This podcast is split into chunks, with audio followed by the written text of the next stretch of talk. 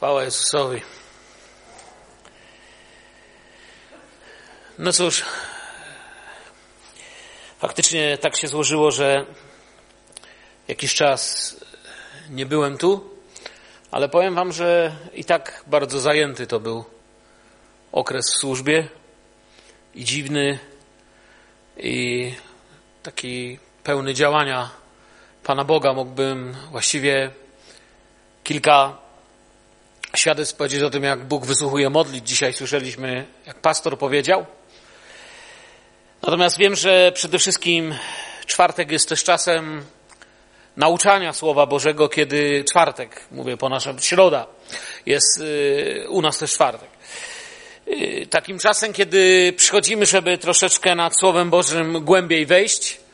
I ja wiem o tym, że w waszym wypadku, w wypadku Filadelfii i tego, co macie okazję tutaj z tej kazalnicy słyszeć od waszych duszpasterzy, nie narzekacie na jakąś taką głębszą egzegezę i prawdopodobnie fragment, który dzisiaj poruszę, był już tutaj poruszany i, i mógłbym się jeszcze wiele nauczyć, gdybym posłuchał z archiwum waszego.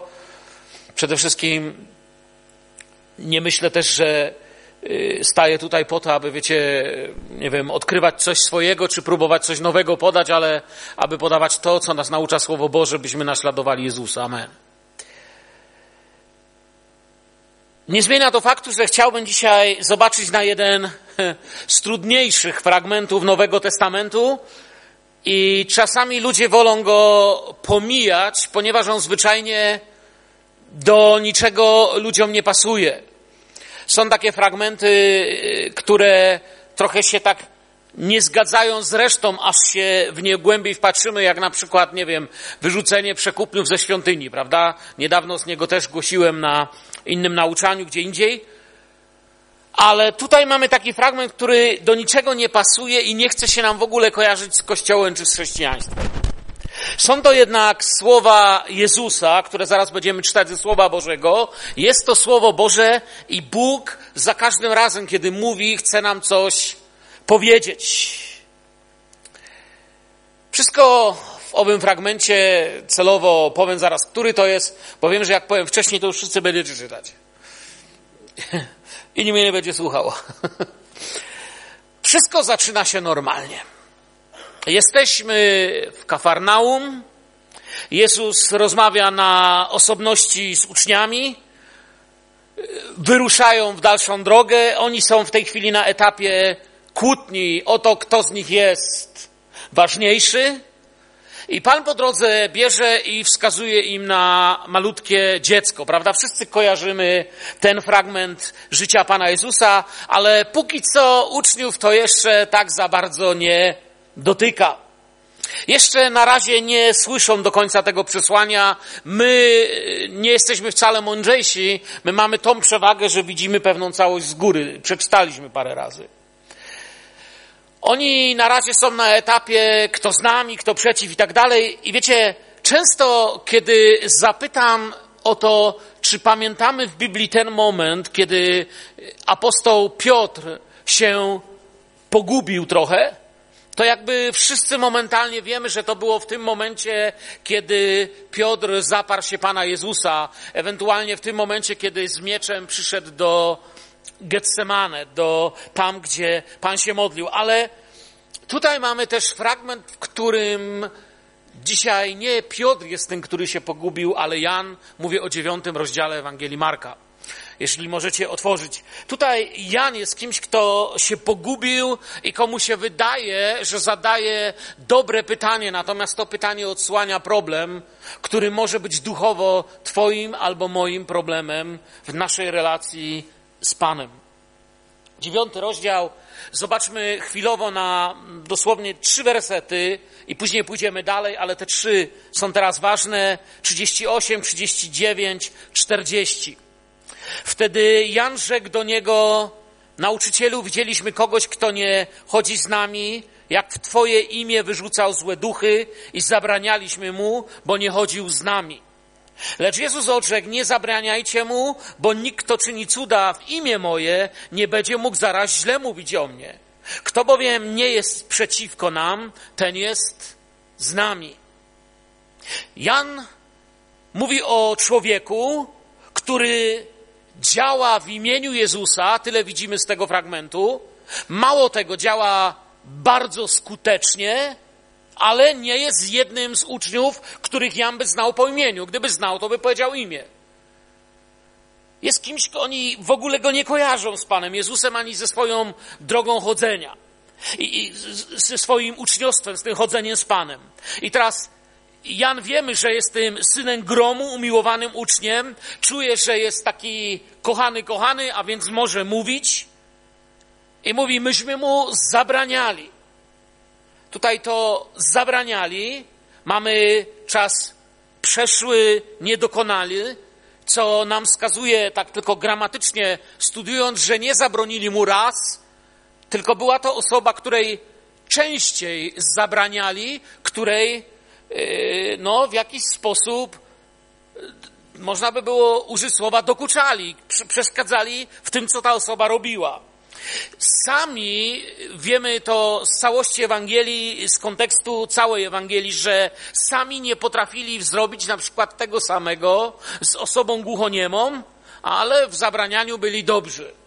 Nie pozwalali, chociaż głuchoniemy, pamiętacie, kiedy trzeba było pomóc osobie głuchoniemej, nie umieli tego zrobić. I Jezus ich musiał tam pouczyć, ale to nie jest ten fragment, z którego chcemy dzisiaj tutaj studiować i uczyć się chodzenia za Panem Jezusem. Ten ktoś, o kim mówi Jan, robił coś, po co Jezus przyszedł, bo Jezus przyszedł, aby zniszczyć dzieła diabła. Ta osoba to robiła wyraźnie, bo gdyby tego nie robiła, Jezus na pewno by to inaczej skomentował. Jezus po to przyszedł, aby to czynić. I Jezus mówi teraz do nich: nie zabraniajcie mu, nie przeszkadzajcie w czynieniu tego, co jest dobre. Pojawia się problem. Ktoś pomyśli w tej chwili, no ale czego my dzisiaj, XXI wiek, środa wieczór, styczniowy wieczór, czego my się tu możemy nauczyć? Posłuchajcie. Oni mówią, jak to nie zabraniać? Mamy, mamy Ciebie, Panie, a ta osoba Ciebie nie ma, prawda? Taki jest kontekst tej wypowiedzi. Jezus odpowie tu dziwnie. Nie, nie dlatego, że przecież Jezusowi nie jest wszystko jedno, kto o nim mówi, ale dlatego, że Jan i inni uczniowie mają problem, który my też możemy mieć w naszym chodzeniu za Jezusem, w naszym uczniostwie. Oni widzą tylko siebie. Widzą tylko swoją relację. Mają pewien monopol. Wydaje im się, że otoczyli pewnym monopolem dostępu do Pana Jezusa. Za tym, co robią, nie stoi wcale. Jan nie dlatego pyta, bo chce chronić czystość nauki i Ewangelii, bo wiemy, że chwilę wcześniej trwała sprzeczka, kto jest ważniejszy. Pyta, ponieważ zazdroszczą. Taki jest kontekst całości, bo chwilę wcześniej, jak mówię, kłócili się, kto jest ważniejszy. Chwilę wcześniej sprzeczali się, które ja jest ważniejsze. Co się dzieje teraz? Teraz sprzeczają się, które my jest ważniejsze. No bo teraz siedzą razem wokół Pana Jezusa i gdzieś tam ktoś robi coś. My tu, a tamten, albo tamci jacyś oni, tam. Przed chwilą jeszcze się kłócili, które ja. Ja czy ty jestem ważniejszy? No ale trochę wiecie, jak chłopaki z jednej dzielnicy. Póki nie ma chłopaków z innej dzielnicy, to się biją między sobą, ale jak przyjdą tamci, no to są razem, nie? Ci teraz zobaczyli, że jakaś konkurencja gdzieś się tam tworzy i przestają się kłócić, które ja jest ważniejsze, ale zaczynają wyjaśniać, które my jest ważniejsze. My dobrzy, oni źli. I taki rodzaj wyższości może być bardzo długo w naszym, takim o jak ten, lokalnym zborze, w naszym chrześcijańskim życiu ukrywany, dlatego że o ile nasze ja pielęgnowane oddzielnie zaczyna robić z nas egoistę i bardzo szybko jest widoczne i ludzie mówią, no on jest wrażliwy na swoim punkcie, o tyle takie masowe ja, patriotyczne i zborowe, może być w różnego rodzaju pięknych odcieniach pokazywane i długo ukrywane, jako zwykła zazdrość, nienawiść, ale taka niewidoczna, taki, no taki, no on jest bardzo oddany temu zborowi na przykład, nie? Posłuchajcie, coś ciekawego się zaczyna dziać. Czasem jako jednostki rezygnujemy z siebie. Dochodzi do nas nauka o krzyżu, gdzieś kierujemy się w tym kierunku, ale jako społeczność pielęgnujemy swoją wyższość. Ja spotkałem ludzi, którzy, wiecie, raz spotkaliśmy takich ludzi, nie powiem gdzie, bo mi nie chodzi o to, żeby plotkować o jakimś innym zborze, ale byliśmy w pewnym miejscu, w mieście, to nie było w Bielsku, troszeczkę dalej, w innym mieście, i byłem ja i nasi zborownicy z mojego poprzedniego zboru. I zobaczyliśmy ludzi, którzy na ulicy stali i głosili Ewangelię. Mieli Biblię, mieli wszystko, śpiewali pieśni, które znaliśmy. No i podeszliśmy i my mówimy, że jesteśmy też wierzący. Oni na nas spojrzeli i mówili, wy nie jesteście wierzący, jesteście nierządnica związana z Babilonem. Tylko my jesteśmy wierzący. Krótko mówiąc, mniej więcej w ten sposób do nas wyszczelili, nie? W ogóle nawet nie spytali mnie, skąd ja jestem. Nic. Oni od razu wiedzieli, kto my jesteśmy, nie? Okazało się, że to pewien bardzo tam radykalny odłam, który uznaje tylko jedno tłumaczenie Biblii, który zaczytuje się w takich książeczkach jednego pana i oni tylko to jedno widzą, a wszystko inne jest złe. I my byliśmy babilońska nierządnica, prostytutka i wszystko inne nam tam nadali i dalej głosili Ewangelię miłości. Okej. Okay. Czasem łatwo rezygnować z tej właśnie indywidualności, ale czasem trudno rezygnować ze stada. Przestajemy tworzyć wspólnotę, a stajemy się stadem, kiedy patrzymy na innych z wyższością w taki sposób.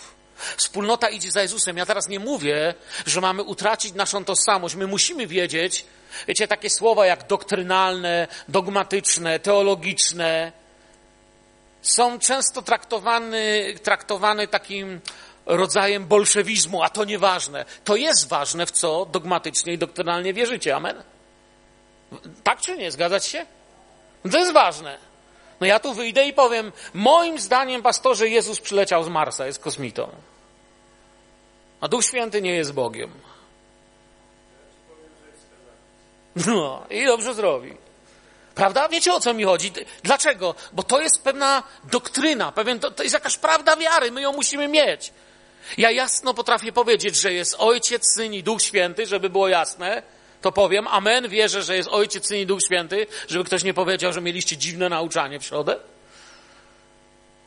Mało tego, na tyle staram się czytać Słowo Boże, aby móc powiedzieć, dlaczego tak uważam i gdzie to jest napisane, bo to nie jest dobre, dlatego że ja w to wierzę, ale jest dobre, dlatego że jest prawdą. Bo czasem my coś bronimy, no bo ja, nie? A więc my musimy mieć tą tożsamość. Natomiast tutaj ja mówię o pewnej wyższości. Oni, my. Tamci wszyscy to są do, ni do niczego, a, a my jesteśmy ktoś. Sekta, definicja sekty to jest my i tylko my. To jest najkrótsza definicja sekty. My i tylko my mamy rację. Sekta to spór z każdym, kto nie z nami. Nasz kościół jest dobry, wszystkie inne są złe. Oni nie pomyśleli o tym, kto to tam może w imieniu Jezusa działać. Nie pomyślą tego, by kogoś wesprzeć, wzmocnić. Y, y, jakby zaczynają działać z takiego trochę partyjnego klucza. Jan zaczyna widzieć świat trochę tak partyjnie. Zapomina, że jest przy Jezusie z łaski, że jest tutaj dlatego, że Pan się zmiłował i w jakimś miejscu życia pociągnął go do siebie, tak jak wielu innych. Nie dlatego, że on w jakiś szczególny sposób na to zasługuje. Następna ważna rzecz w tej dziedzinie, byście jasno zrozumieli, co chcę dziś powiedzieć. Myślę, że gdybym w tym miejscu teraz przerwał, byłoby wiele niedomówień. Ta wypowiedź bywa często mylona, ba, spotkałem się z tym, że ludzie uważają nawet, że znaleźli y, pewien rodzaj zaprzeczania sobie w Biblii. Bywa mylona z Mateusza 12:30. Znacie ten fragment, kto nie jest ze mną, jest przeciwko mnie, a kto ze mną nie zbiera, rozprasza. I ludzie mówią, no zobacz, tu mówi tak, a tam mówi inaczej. Nie, to są dwie różne wypowiedzi. To jest tak, jakbym powiedział, w zimie można lepić bałwana, w lecie nie można lepić bałwana. Ktoś powiedział, tu i tu mówi o bałwanie. Ale kontekst ktoś stracił. Jezus mówi, kto bowiem nie jest przeciwko nam, ten jest z nami. I to jest wielka różnica. Kto nie jest ze mną, jest przeciwko, ale kto nie jest z nami, to nie jest jeszcze przeciwko, jest z nami. Mamy tu różnicę. W pierwszym wypadku chodzi o Jezusa. Jeśli ktoś nie jest z Jezusem, to na 100% nie jest z nami. To nie jest nasze. Jeśli jakaś wspólnota nie czci Jezusa, tylko właśnie mówi, że nie wiem, Jezus to Marsjanin, że Bóg to, to, to coś jeszcze, że różne inne dziwne doktryny, to, to nie jest nikt z nas. Jezus mówi w pierwszym wypadku, jeszcze raz to powtórzę, byśmy to zobaczyli tu. Kto nie jest ze mną, jest różnica, czy ktoś jest z Jezusem, czy jest z nami. Można nie być z nami i należeć do Jezusa. Nie można należeć do Jezusa i po, i po prostu, wiecie, nie można odrzucić Jezusa i być z nami. Ktoś niekoniecznie musi być jednym z nas. Może inaczej poznał Jezusa, ale należy do Niego. Natomiast jeśli nie należy do Niego, to i tak wszystko jedno, na pewno nie jest z nami. A więc widzicie tą, Jezus, tą różnicę. W drugim tutaj pisze o nas, wspólnotę ludzi, nam, z nami. Kościół to nie są ci, którzy reprezentują nasze my, ale Kościół to są ludzie na nowo narodzeni w Jezusie Chrystusie. Zgodzicie się ze mną? Nie trzeba być zapisanym u nas. Ani kartoteka pastora, ani tabliczka na budynku, ani te rzeczy. One są ważne. One są jak naczynie dające pewien kształt, dyscyplinę, pewną metodykę tego wzrastania w Chrystusie i opieki nad tym wszystkim, czym Kościół jest, ale one nie decydują, decyduje Jezus o tym, że naprawdę jesteśmy lub nie jesteśmy Kościołem. Bez Jezusa Kościół jest niemożliwy. W Jezusie Kościół jest możliwy w dowolnym kształcie, takim jak my tu mamy i takim jak teraz mają w Syrii, gdzieś tam w podziemiu, nielegalnie, bez światła, z paroma kartkami Biblii. Jest możliwy w więzieniu i jest możliwy na wolności. Kościół jest w Chrystusie. Nie powinno się komuś zazdrościć, a Jan tak na to patrzy i ktoś robi coś, na co my mamy monopol. Podważać, oczerniać, tego nie wolno. Nie trzeba wyganiać demonów. Jezus idzie dalej w swoim nauczaniu i zaczyna mówić choćby o małym kubku wody, który już jest cudowny dla tych, którzy naśladują Pana. A więc Jezus mówi do Jana te słowa, żeby nie zabraniali, że ten człowiek nie jest przeciwko, a potem przejdzie do tych słów, które powiedziałem, że są dziwne i często omijane, bo to nie o tym mówię, mówię o tym, co teraz przeczytam. Bardzo często spotykamy się z tym, że ktoś mi mówi, to kompletnie niezrozumiałe słowa Pana Jezusa. Zwróćmy po pierwsze uwagę, co naprawdę Jezus tu mówi. Po pierwsze, kiedy mówi o kubku wody, nie mówi o daniu kubka wody komuś bezdomnemu na ulicy. To jest też piękne miłosierdzie. To jest pięknie spotkać na ulicy niewierzącego, dać mu wody, dać mu chleba, ubranie, buty. Wiem, że, że to robimy, to zbory robią. Ale tutaj nie o tym jest mowa. Tu nie jest mowa o pomocy humanitarnej, o udzielaniu łaski, jałmużny. Tu jest mowa o czymś, co się dzieje w wierzących ludziach, w nas. Od 41 wersetu popatrzcie na tę niezwykłą wypowiedź Jezusa.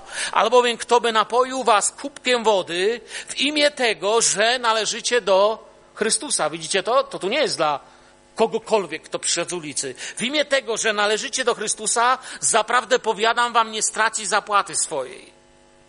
A kto by zgorszył jednego z tych maluczkich, którzy wierzą, temu lepiej by było, by zawiesić na jego szyi kamień młyński, a jego wrzucić do morza. A jeśli cię gorszy ręka twoja, odetnij ją. Lepiej jest dla ciebie wejść kaleką do żywota, niż mieć dwoje rąk, a pójść do piekła w ogień nieugaszony, gdzie robak ich nie umiera, a ogień nie gaśnie. A jeśli cię gorszy noga twoja, odetnij ją. Lepiej jest dla ciebie wejść kulawem do żywota, niż mieć dwie nogi, a być wrzuconym do piekła, gdzie robak ich nie umiera, a ogień nie gaśnie. I jeśli cię gorszy oko twoje, wyłup Lepiej jest dla ciebie jednookim wejść do Królestwa Bożego, niż mieć dwoje oczu, a być wyrzuconym do piekła, gdzie robak ich nie umiera, a ogień ich nie gaśnie. Przyznacie, że to nie jest, są wersety, które sobie wieszamy w ramce na ścianie. Ktoś ma na ścianie to? Wiem, że wiele razy, jak idę do wierzących, mają na ścianie jakieś wersety. Tego nigdy nie widziałem. To nie są proste słowa. Pierwsze, co widzimy w tym słowie, to różnica jaką sprawia Jezus, kiedy teraz patrzę na całość tego, co przeczytałem w całości, od wypowiedzi Jana aż do końca, to widzimy różnicę, jaką sprawia Jezus oraz zniszczenie, jaką czyni ego, jaką czyni coś, co w nas nie należy do Niego. Mała szklanka wody w tej wypowiedzi jest czymś niesamowitym i błogosławionym, jest czymś pięknym w kościele, ale zaraz potem może się człowiekowi zrobić słabo, jak sobie to czyta, nie? Jezus mówi o kamieniu młyńskim, to już w ogóle nam nie pasuje, nie? Taka nie... Tak się przyzwyczailiśmy, że słowa Jezusa jakoś inaczej brzmią i rzuceniu się do morza, to nam nie pasuje. Potem się robi gorzej, odcinanie ręki. Nie wiem, potem tą jedną, co została, jeszcze nogi. A potem, jak już jest bez nogi, bez ręki, jeszcze oko. Nam się robi źle tutaj. Potem jeszcze są e, robaki, ogień, sól i tak dalej, nie? Kończy solą, ale nie rozumiemy. Mówimy, panie, co to jest w ogóle tutaj? Jak mam do tego słowa podejść? Bo kiedy mówisz, panie, żebym dał biednemu chleba, to wiem, co zrobić. Kiedy mówisz, bym wybaczył, to wiem, co zrobić, ale to nie wiem, co mam zrobić. Nikt z nas nigdy nie stał w domu z siekierą i się nie zastanawiał, bo co zrobiłem coś złego, rękę odciąć, nie? Co z tym zrobić? Co, co to słowo jestem uczniem Jezusa? Chcę pojąć, co mam zrobić? Martwimy się też. Jest jakiś rodzaj zmartwienia w nas, że jak usłyszy ktoś z prostych ludzi takie nauczanie, no to jeszcze nie wiadomo, co sobie może zrobić. Że no przecież jeszcze sobie ktoś krzywdę może zrobić w jakiejś gorliwości. Ja myślę, że zaczynamy patrzeć nie z tego końca, po pierwsze. Myślę, że częściej powinniśmy patrzeć na posłuszeństwo, obecność Chrystusa i wtedy nie przyjdą pewne zgorszenia, które mogą do tego doprowadzić. Ale inna rzecz też, że chcę Wam coś ważnego powiedzieć o samym tej wypowiedzi. Ta wypowiedź nie była wypowiedzią publiczną Jezusa. Była wypowiedziana tylko i wyłącznie do uczniów. Tamtego dnia, kiedy Jezus ją powiedział, nie słyszał tego nikt inny oprócz uczniów. I jak wiemy, żaden z uczniów nie obciął sobie ani ręki, ani nogi, ani nie wydłubał oka. Jezus to mówi tylko do uczniów. Jezus opuszcza tu Galileę, więcej już tam nie będzie nauczał, kieruje się w kierunku Judei i w drodze naucza swoich uczniów bardzo osobiście, prywatnie, intymnie. To nie jest słowo dla świata, to nie jest fragment kazania na górze na przykład, albo jakieś wypowiedzi do tłumów, które przyszły. Jesteś uczniem, idziesz w wielkiej bliskości za Panem, to jest słowo dla ciebie. To było słowo dla tych najbliższych. I teraz mówi, że kto by napoił was kubkiem wody w imię tego, że należycie do Chrystusa, ten nie straci swojej zapłaty. W imię tego, że ty jesteś Jego. Czyli innymi słowami, ty nie patrz, czy On jest nasz Twoim standardem niech będzie to, że On jest Jego. To jest, to jest pierwsza prawda tutaj. W imię Jezusa. Nie według tego, czy to my, czy to ja, czy to nasi.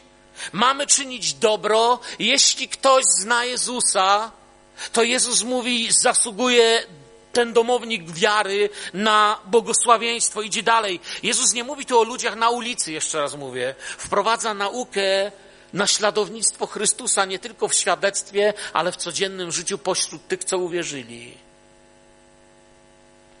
Dlaczego w imię Jezusa? Dlaczego coś ważnego Pan próbuje nam przekazać? Znowu zacznę od drugiego końca tego kija. Czynienie dobra w swoim imieniu czyni z ludzi dłużników. Czynienie dobra w imieniu Jezusa jest Ewangelią. Znamy choćby opinię Pana Jezusa na temat dawania, szczególnie jałmużny wobec biednych, prawda?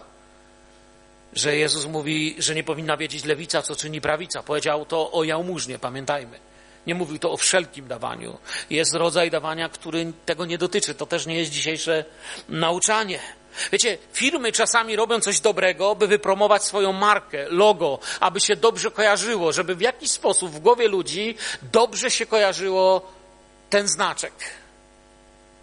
Jezus mówi: Wyczyńcie to tak, żeby ludzie Ojca w niebie chwalili, żeby ludzie widzieli, a przede wszystkim mówi tu pośród siebie, nie jest waszą miarą nasi, nie nasi, waszą miarą jest Chrystus. U Jezusa nie ma miejsca na naszą chwałę, jest chwała tylko dla Jego imienia, tylko dlatego, że On coś czyni, On co, gdzieś działa, On gdzieś ma udział, my mamy mieć udział, mamy to błogosławić, mamy być bardzo ostrożni w tej dziedzinie. Czyniąc coś w imieniu Jezusa, okazujemy prawdziwą agapę, okazujemy przepiękną agapę, która jest skierowana przez Filadelfię, Fileo okazujemy przepiękną doskonałość miłości, która staje się miłością w działaniu. Wiemy, że agape to miłość bezwarunkowa, schodząca z góry. Fileo to jest miłość pośród tych, którzy zostali Chrystusową agapę dotknięci i zdecydowali się ją naśladować. Żyć w tym. Miłość braterska.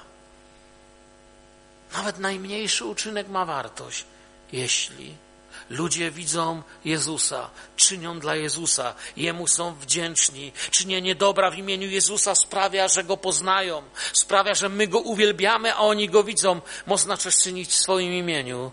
Ludzie będą wdzięczni, może nawet Bogu niektórzy, ale my na tym poniesiemy stratę. Dlatego obdarowując, czyniąc choćby szklanką wody ze względu na Chrystusa, według Niego to jest piękne w imieniu Jezusa. Wiecie, co znaczy w miejsce Jezusa? My nie jesteśmy ludźmi magii. Chrześcijanie nie wierzą w magię. Czasami ludzie wierzą w magię. Myślą, że wystarczy powiedzieć w imieniu Jezusa i już. Nie, w imieniu Jezusa jest stylem życia. Jest stylem trwania na miejscu, gdzie stałby Jezus, czyli jest stylem, w którym zachowuje czystość, czystość umysłu, czystość ciała, czystość motywów, czystość tego, kim jestem w pełni Ducha Świętego. To jest w imieniu Jezusa. I gdzie dwóch lub trzech takich się spotka, on tam wtedy co? Jest. A nie gdzie dwóch lub trzech. Wczoraj się schlali, dzisiaj jeszcze mieli klina, ale teraz sobie powiedzieli, że są w imieniu Jezusa. To jest czarowanie, to jest, to jest używanie słów, które nie mają żadnego pokrycia. W imieniu Jezusa znaczy styl życia, że taki jest nasz styl życia.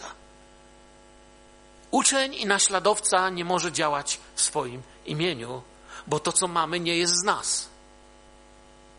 Być może ktoś zrobił ci coś błogosławionego. Nie wiem, pastor się modlił, doświadczasz uzdrowienia. Ale on tego uzdrowienia nie dał. On, on, on jest tylko narzędziem. Ja tego uzdrowienia czy czegoś, co, czym może Cię błogosławiłem, nie dałem. Ty tego, nie wiem, uzdrowienia, błogosławieństwa, obdarowania, które masz, daru, który dał Ci Pan. Jesteś tylko narzędziem dla Jego chwały. Mały kubek wody jest większy niż wielkie słowa. Nie ma w nim naszej walki, naszego zysku, wysiłku. Jest wielkie pokrzepienie dla prac, pragnącego i świadectwo widzę w Tobie Jezusa. W Jego imieniu możemy wszystko. Bez tego imienia, cóż, On sam powiedział, beze mnie nic uczynić nie możecie. Możemy oczywiście dużo robić, ale nic nie możemy naprawdę uczynić. W Jego imieniu. Działać w imieniu Jezusa, to pokazywać, że należymy do Jezusa. Wiecie, moje, Twoje imię, nasze imiona przemijają. Jego imię niesie nagrodę. Jego imię jest jak, jak, jak numer niebiańskiego konta w imieniu Jezusa. Cokolwiek daje. Zachowujemy się jak bracia. Zachowujemy się jak rodzina. Na co wtedy wskazujemy? Na jednego i tego samego Ojca. Zachowywanie się wobec siebie jak obcy. Wy, my, my lepsi, wy gorsi. My bliżej, my więcej. Pokazuje, że mamy innych ojców. I on mówi, kto by zgorszył jednego z tych maluczkich, którzy wierzą, temu lepiej by było, by zawiesić na jego szyi kamień młyński, a jego wrzucić do morza, nie? Jak mamy wyobraźnię, to sobie potrafimy to wyobrazić. Jakieś dziwne powiedzenie Pana Jezusa, przedziwne. Wiecie, co to jest kamień młyński? Wielkie koło kamienne, każdy chyba to widział, z dziurą po środku. W prymitywniejszych kulturach bywało trochę takie nie kwadratowe, ale, ale nie było doskonałym kołem. W każdym razie był to wielki, wielki ciężar, który naprawdę mógłby pociągnąć na dno. Tu oczywiście już nie mówi o gorszeniu, że to by było w imieniu Jezusa, chociaż niektórzy mogliby próbować. To pyszne, ja czasem próbuję Pana Boga wmieszać w zgorszenie. Słowo zgorszenie jest ważne, byśmy je właściwie zrozumieli. Ktoś kiedyś żartem powiedział, że zgorszyć się to znaczy, że wczoraj byłeś lepszy, a dzisiaj się pogorszyłeś, to znaczy, że zgorszyłeś. Ale to nie to znaczy. Zgorszyć się to znaczy, chyba najprościej można by było, to jest, to jest parafraza, ale najlepiej oddająca znaczenie słowa zgorszyć, to jest podłożyć komuś nogę, żeby się wywrócił. Po prostu jakąś kłodę, przeszkodzić w drodze. Czyli po naszym przejściu, czy po naszym działaniu ludzie upadają, nie widzą Jezusa, tylko nasze zniszczenie i egoizm. To, to jest zgorszenie, tak najprościej wokół Ewangelii to mówiąc. Widząc to, zawracają, gubią Boga przez nas. Stajemy się powodem grzechu. To jest zgorszenie. Kiedy ktoś kompletnie się pogubi przez to, co robię. Czasem tak siebie lubimy, że nas to nie obchodzi. Ale Jezus mówi, to jest dramat. Nie może być tak, że przez ciebie ludzie zastanawiają się, czy Bóg jest. Ale to przecież Jego sprawa. Jezus mówi, no nie. Jeżeli się gorszą dobrem, jeśli was prześladują za naśladowanie Jezusa, to jest coś innego. Wiemy, że nie o tym tu mówi. Po przyjść, po prze... ja to myślę, że jeszcze piękniej możemy sparafrazować brak zgorszenia w naszym życiu. Wcześniej parafrazowałem, czym by było zgorszenie. Teraz powiem, moim zdaniem, tak sobie siedziałem nad tym fragmentem, wiecie, któryś rano i się modliłem i powiedziałem, w jaki sposób, Panie, najprostszymi słowami mógłbym to wyrazić, gdybym o tym mówił. I tak do mnie to doszło, że po przejściu ucznia powinny być nadal widoczne ślady Pana Jezusa. Amen. Wiecie, co próbuję powiedzieć? Może to jest taki trochę artystyczny język, nie? Ale że po przejściu mnie jako ucznia nie powinny być moje ślady, ale ślady mojego Pana. Naśladowanie Jezusa nie polega tylko na tym, że za Nim idziemy, ale że nie zdeptamy Jego śladów dla innych. Że inni będą mogli pójść. W tym imieniu jest początek każdego prawego działania naśladowcy pańskiego. Liczy się życie mojego brata. Musimy zrozumieć, że dla Jezusa życie naszego bliźniego, brata jest strasznie ważne i powinno być takie dla nas. Liczy się życie mojego brata i siostry, nie moja racja. Paweł, apostoł, często o tym pisał. Chodzi o świadectwo, nie o to, co ja wiem, co zrobiłem dla innych. Biblia często ostrzega przed gorszeniem bliźniego. Jezus w tym miejscu nagle mówi, lepiej by było, by zawiesił na swojej, by zawiesić na szyi kamień młyński. Widzimy to? Nie, on tu nie mówi dobrze by było, ale by było lepiej. Samobójstwo jest czymś strasznym. Zabójstwo to grzech, ale Pan mówi, lepiej by było, gdyby taka osoba to zrobiła, niż niszczyła coś, co jest takie cenne w oczach Bożych. Jezus nie zachęca tu, żebyśmy to jasno widzieli. Jezus absolutnie nikogo do tego nie zachęca. Jezus tylko pokazuje w taki niesamowicie, ja bym nawet tu użył słowa, yy, przerażająco wyraziście pokazuje, że dla Boga jest ważne życie innego człowieka.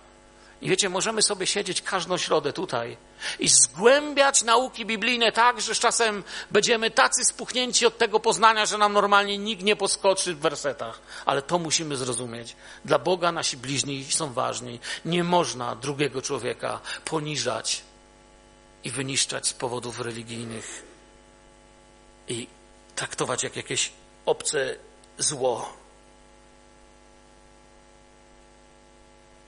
Problem w tym, bo Jezus mówi dalej, teraz przechodzi jeszcze w ciekawsze. Teraz się zaczyna ręka, noga, oko. Co się tu dzieje?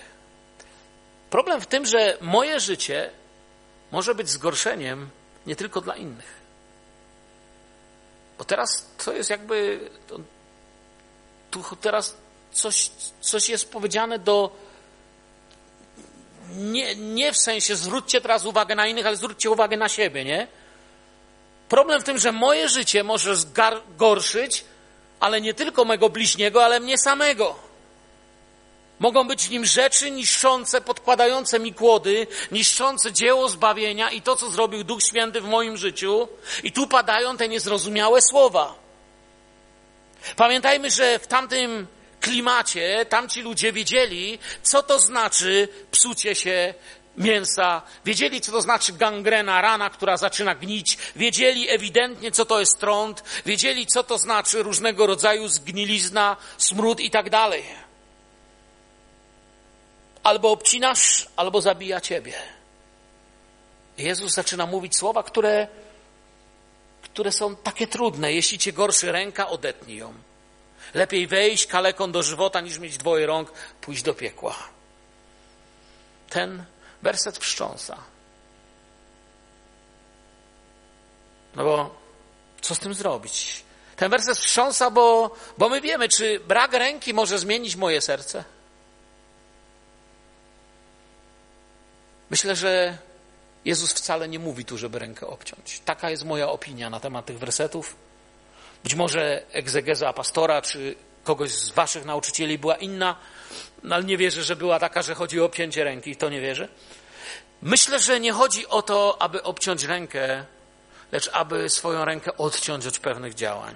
Myślę, że chodzi że muszę odciąć działanie wszelkiego brania moimi dłońmi i budowania swojego imienia, swojego ego, czegoś, co nie należy do Chrystusa. Ręka symbolizuje branie, dawanie, czynienie zła lub dobra. Czyste ręce mają wznosić bracia w modlitwie, czyste ręce mają być przed Panem, brudne rzeczy mają być odcięte od działania. Wiecie, ani apostołowie, ani nikt z tych, o których mówimy, nie wiem, ojcowie Kościoła, czy wielkie postacie Kościoła nie odcinał sobie rąk. Natomiast wielu z nich stanęło przed bolesnym dylematem, że musieli się od pewnych rzeczy odciąć. Musieli wybrać, od czego się odciąć. Twoje ręce, macie ręce? Popatrz na Twoje ręce. One są do czynienia dobra. Twoje ręce są do dobra. Od zła się muszą odciąć. Jezus mówi, lepiej wejść kaleką. To jednak co, dosłownie? Ja myślę, że nie ma Pan Jezus na myśli religijnych okaleczeń. Może już nie w tym okresie, kiedy Jezus prowadzi to nauczanie, ale jeszcze tysiąc lat wcześniej, może tysiąc lat, tysiąc pięćset lat wcześniej, na tych sąsiadujące kraje z tym, co dziś nazywamy Izraelem, były modne religijne okaleczania się. Widzimy je choćby w wypadku Eliasza. Ludzie się kaleczyli, to było modne, kaleczyć się dla swojego bóstwa. Ludzie byli nawet tacy kapłani różnego rodzaju kultów kananejskich, którzy rzeczywiście wypalali sobie ogniem oczy, aby nie widzieć, nie pożądać, aby służyć bóstwu. Byli tacy, co w różny sposób się okaleczali. Ale Pan Jezus nie namawia do religijnego, kultowego okaleczania się. Mówi raczej, odetnijcie rzeczy, których nierobienie będzie sprawiało, że świat was będzie postrzegał jako kaleki do pewnych rzeczy. Kaleka to jest ktoś, kto nie da rady w to pójść, nie da rady tego zrobić. Wiecie, gdyby mnie chciała, nie wiem, zaangażować szajka złodziei sklepowych, ja jestem kompletnym inwalidą dla nich. Po prostu nie dam rady iść. Oczywiście upraszczam tutaj. To lepsze niż mieć dwoje rąga, pójść do piekła w ogień nieugaszony. Trudno się tutaj idzie pomiędzy rzeczywistością i przenośnią. Z całą swoją chytrością i sposobami na życie próbujemy to zobaczyć. To słowo piekło, Gehenna. To jest ta dolina Hinon, gdzie stał Moloch. Wiemy, że tam smażono żywcem, czy palono żywcem dzieci. Wiemy, że tam się paliły cały czas śmieci w tej dolinie. Była miejscem smrodu, odrzucenia, klęski. Tam rzucano tych, którzy nawet nie byli godni pogrzebu, czyli była wszystkim, co symbolizowało całkowite duchowe i cielesne bankructwo. Jezus mówi lepiej coś stracić tu, niż w, takim, w takiej duchowej rzeczywistości się znaleźć, gdzie płonie ogień nieugaszony. Potem mówi o nodze. Mamy dwie nogi. Większość z nas. Problem, że czasami ludzie nie mają albo mają jedną, a mają większą jasność do tego, gdzie zmierzają, niż ci, co mają dwie. Mamy dwie nogi, ale dokąd zmierzamy? Czy pamiętamy, że jesteśmy tutaj pielgrzymami? Że przechodzimy tylko przez ten świat? Czy pamiętamy, że Jezus jest drogą, na której nasze obydwie nogi mają stać? Że od pewnych dróg nasze nogi muszą się odciąć? Bo zdecydowanie, jeszcze raz mówię, Jezus nie namawia do religijno-kultowego ranienia swojego ciała. Czasem się mówi tak, że ktoś jest jedną nogą tu, drugą nogą tu. Słyszeliście na pewno, nie? Ja często, kiedy przyjeżdżają do mnie goście, zabieram ich do parku Sikory, tam na, nad Olze, na spacery.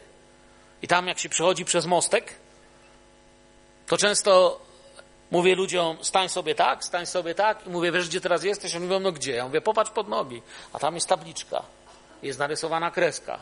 I pisze Republika Czeska, Polska. I nagle ta osoba mówi, zobacz, jedną nogą stoisz w Czechach, drugą stoisz w Polsce. I to jest możliwe. Na moście w Cieszynie tak może być, ale duchowo jest niemożliwe doświadczać pełnego świadectwa i pełnego błogosławieństwa, będąc w połowie nieświadectwem i przekleństwem. Znowu przekleństwo, słowo przekleństwo traktujemy znowu mistycznie. Ono nie jest żadnym mistycznym słowem, ono jest odwrotnością błogosławieństwa. Błogosławieństwo znaczy szczęśliwy, radosny. Przeklęty znaczy nieszczęśliwy, nie otrzymujący tego, czego pragnie, tak? Można się jakiś czas oszukiwać, ale trzeba się od czegoś w końcu odciąć. Człowiek musi być albo żywy, albo martwy. Bo inaczej, która z tych rzeczy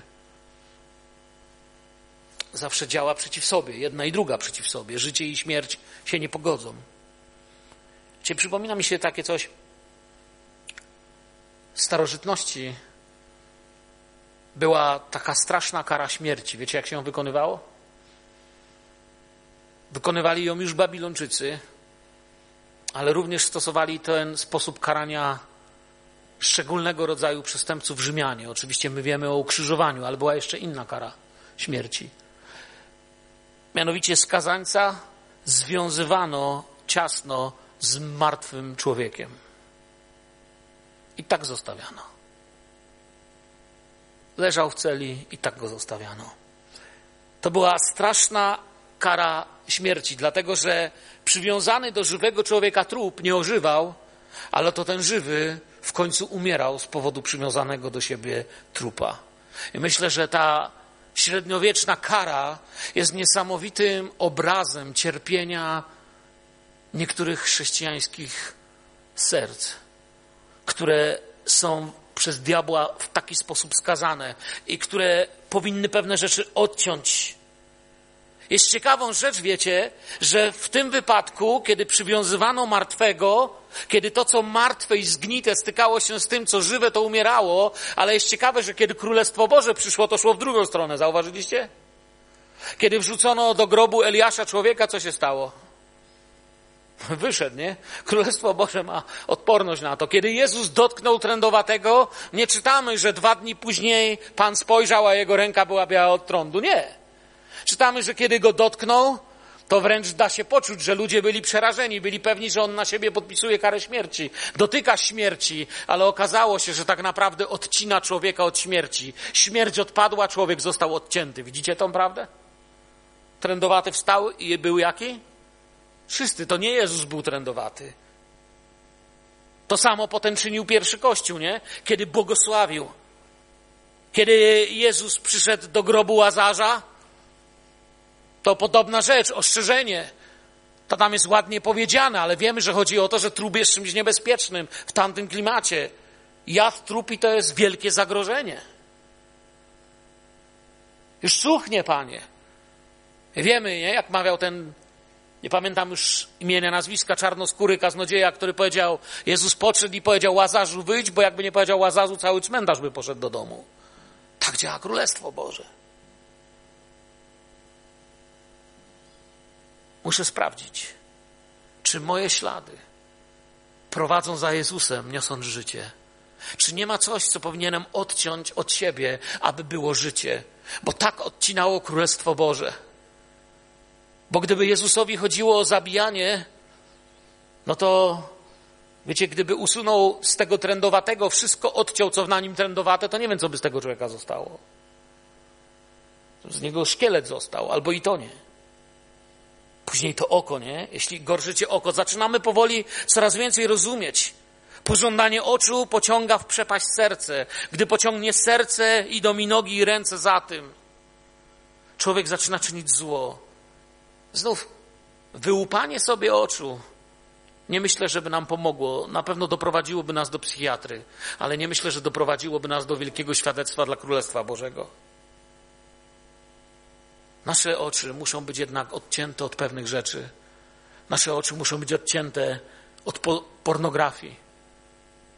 Czy wiecie o tym, że 97,9 mężczyzn w Polsce ma kontakt z pornografią? Miało jakiś, nie mówię, że ma systematyczny, że się o nią otarło. To oznacza, że być może twój syn, być może twój mąż, być może ty, bracie, być może ty, siostro, bo kobiet też to zaczyna coraz bardziej dotyczyć.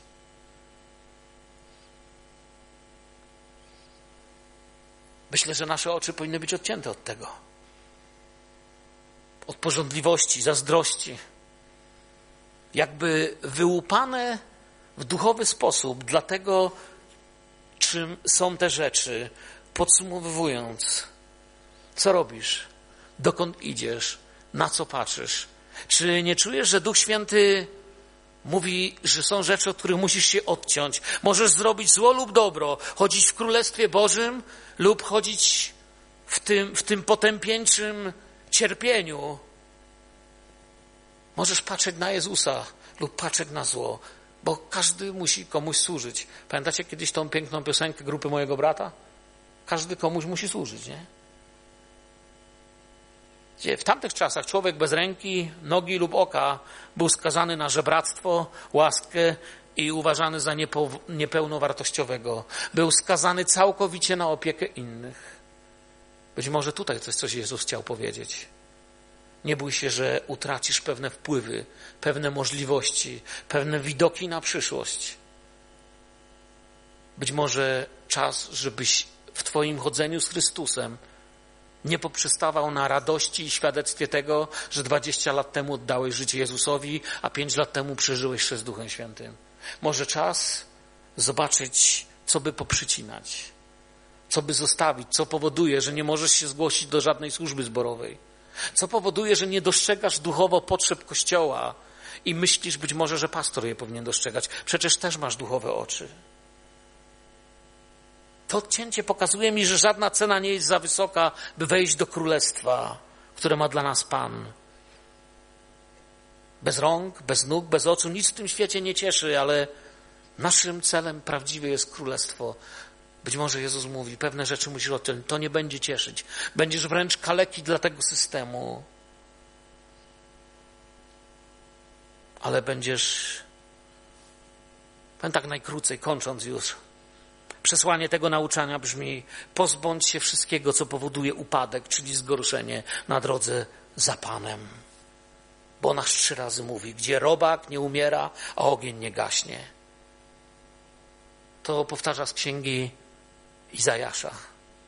Dokładnie, jeśli chcecie ktoś wiedzieć fragment, to Izajasz 66, 22 do 24. Tam jest napisane.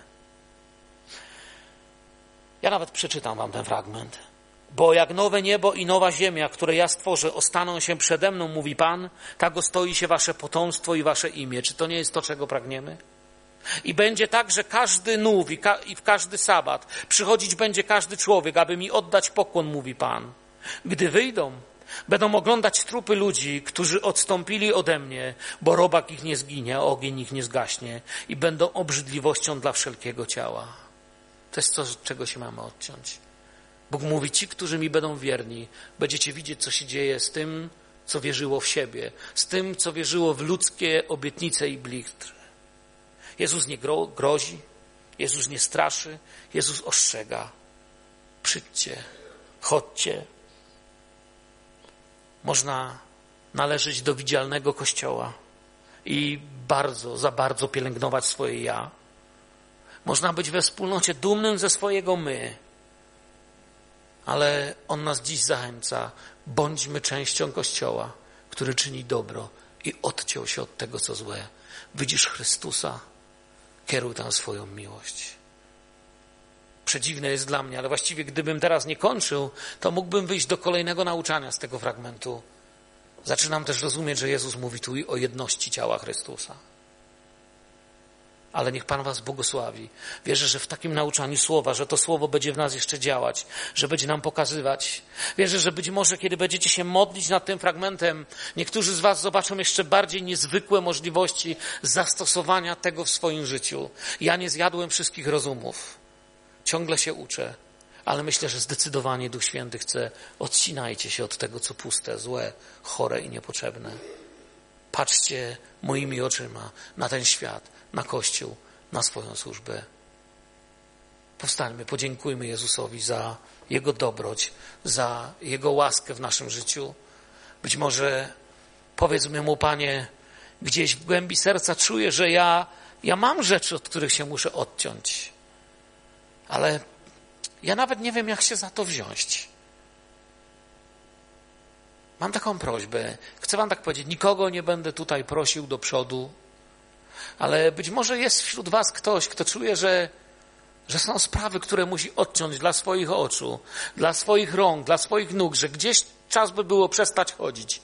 Pewne rzeczy czas by było przestać robić o pewnych rzeczach przestać myśleć i przestać na nie patrzeć. Może są to jakieś poważne rzeczy, a być może całkiem małe, ale jednak cię bolą. Nikt cię o to nie będzie pytał. Daj znać ręką Kościołowi. Potrzebuję modlitwy i mądrości od Ducha Świętego. Widzę jedną rękę, drugą. Tych, co nie podnoszą ręki, podnieście wyżej ci, co potrzebujecie modlitwy. Obróćcie się, zobaczcie, kto podniósł rękę. Wiecie, co robią ci, co podnieśli rękę?